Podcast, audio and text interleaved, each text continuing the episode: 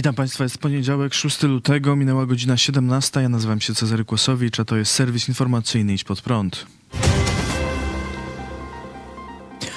Ponad 2000 ofiar trzęsienia ziemi w Turcji. Ubiegłej nocy w południowej Turcji i w Syrii wystąpiło bardzo silne trzęsienie ziemi. Według ostatnich danych w Turcji zginęło ponad 1,5 tysiąca osób, a w Syrii ponad 800.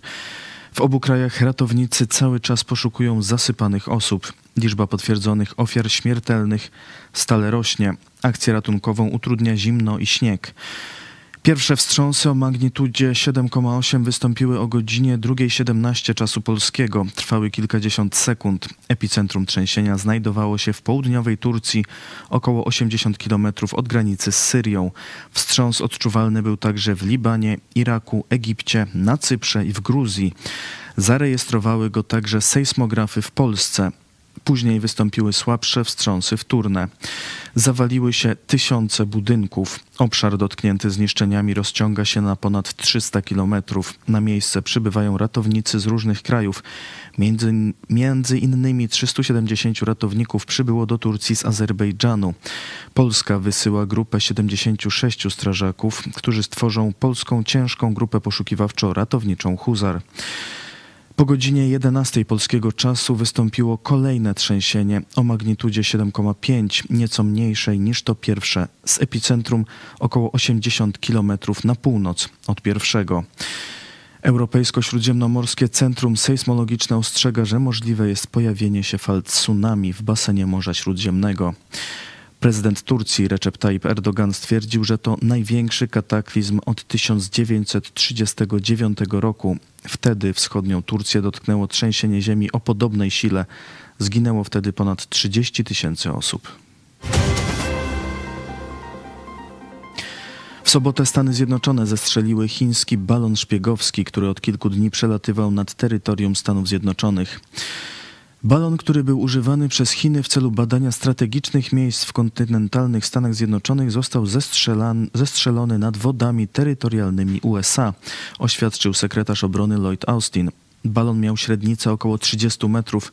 Unosił się na wysokości około 20 kilometrów nad ziemią. Miał podczepiony sprzęt obserwacyjny i panele słoneczne. Został zauważony na początku ubiegłego tygodnia. Przeleciał nad Alaską, potem Kanadą, a następnie przeleciał przez prawie całe Stany Zjednoczone, od Idaho i Montany po południową Karolinę. Do jego zestrzelenia użyto myśliwca F-22 Raptor. Szczątki balonu i aparatury, jaką przenosił, wpadły do oceanu u wybrzeży Karoliny Południowej. Poszukują ich teraz nurkowie marynarki wojennej. Władze USA tłumaczyły, że zestrzeliły balon dopiero nad oceanem, aby spadające szczątki nie spowodowały zagrożenia. Władze komunistycznych Chin twierdzą, że balon był używany w celach meteorologicznych i wleciał nad USA zniesiony przez wiatr. Incydent z balonem sprawił, że w ostatniej chwili swoją wizytę w Chinach odwołał sekretarz stanu Antony Blinken. Wizyta była planowana na 3 lutego. Polska europosłanka apeluje o uwolnienie byłego prezydenta Gruzji. W czwartek Parlament Europejski rozmawiał o sytuacji byłego prezydenta Gruzji Michaila Saakaszwilego, który jest więziony w swoim kraju. Europosłanka PiS Anna Fotyga zaapelowała do władz Gruzji o uwolnienie Saakaszwilego z powodów humanitarnych, aby mógł wyjechać za granicę, by się tam leczyć. On umiera w więzieniu i to bardzo mocno wpływa na przyszłość Gruzji, podkreśliła polska polityk. Anna Fotyga przekazała także wszystkim europosłom list od Saakaszwilego, w którym opisuje on swój stan zdrowia. Otrzymuję od prezydenta Saakaszwilego korespondencję. Ostatnie dwa listy, które do mnie zaadresował, jasno wskazują, iż jego stan zdrowia jest alarmujący. Potwierdził to światowej sławy amerykański neurolog, wskazując całą listę chorób, które stanowią zagrożenie nie tylko dla zdrowia, ale i życia Saakaszwilego. Cały świat mógł ocenić jego stan dzięki nagraniu z ostatniego przesłuchania. Te obrazy cieszą tylko Putina, stwierdziła Anna Fotyga. Pod koniec stycznia Michał Saakaszwili trafił na oddział intensywnej terapii. Jego stan jest krytyczny, informował rzecznik byłego prezydenta. Saakaszwili odbywa w Tbilisi karę sześciu lat więzienia, na którą został skazany pod zarzutem nadużycia władzy. Aresztowano go jesienią 2021 roku. W trakcie odbywania kary jego zdrowie uległo gwałtownemu pogorszeniu. Przedstawiciele gruzińskiej sceny politycznej i prawnicy Saakaszwilego od dawna alarmowali społeczność międzynarodową, że wymaga on podjęcia specjalistycznego leczenia, które nie jest możliwe w Gruzji.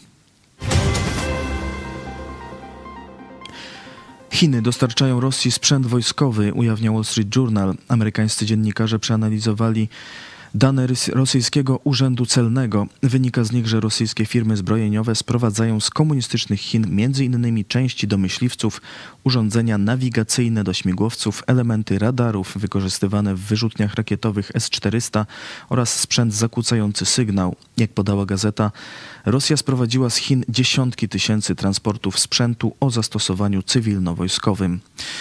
Naomi Garcia, analityczka organizacji C4Arts specjalizującej się w rozpoznawaniu zagrożeń dla bezpieczeństwa narodowego stwierdziła, Mimo międzynarodowej obserwacji i protokołów sankcyjnych, wiarygodne globalne dane handlowe pokazują, że chińskie państwowe firmy sektora obronnego wciąż wysyłają części o zastosowaniach wojskowych do objętych sankcjami rosyjskich firm tego sektora odnotowano użycie przez te rosyjskie firmy takich samych rodzajów części bezpośrednio w wojnie Rosji na Ukrainie.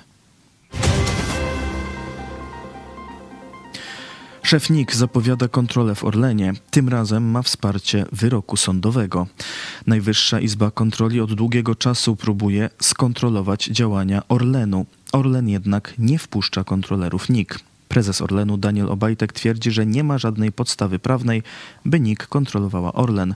Według niego to, że Skarb Państwa ma udziały w spółce, nie wystarczy.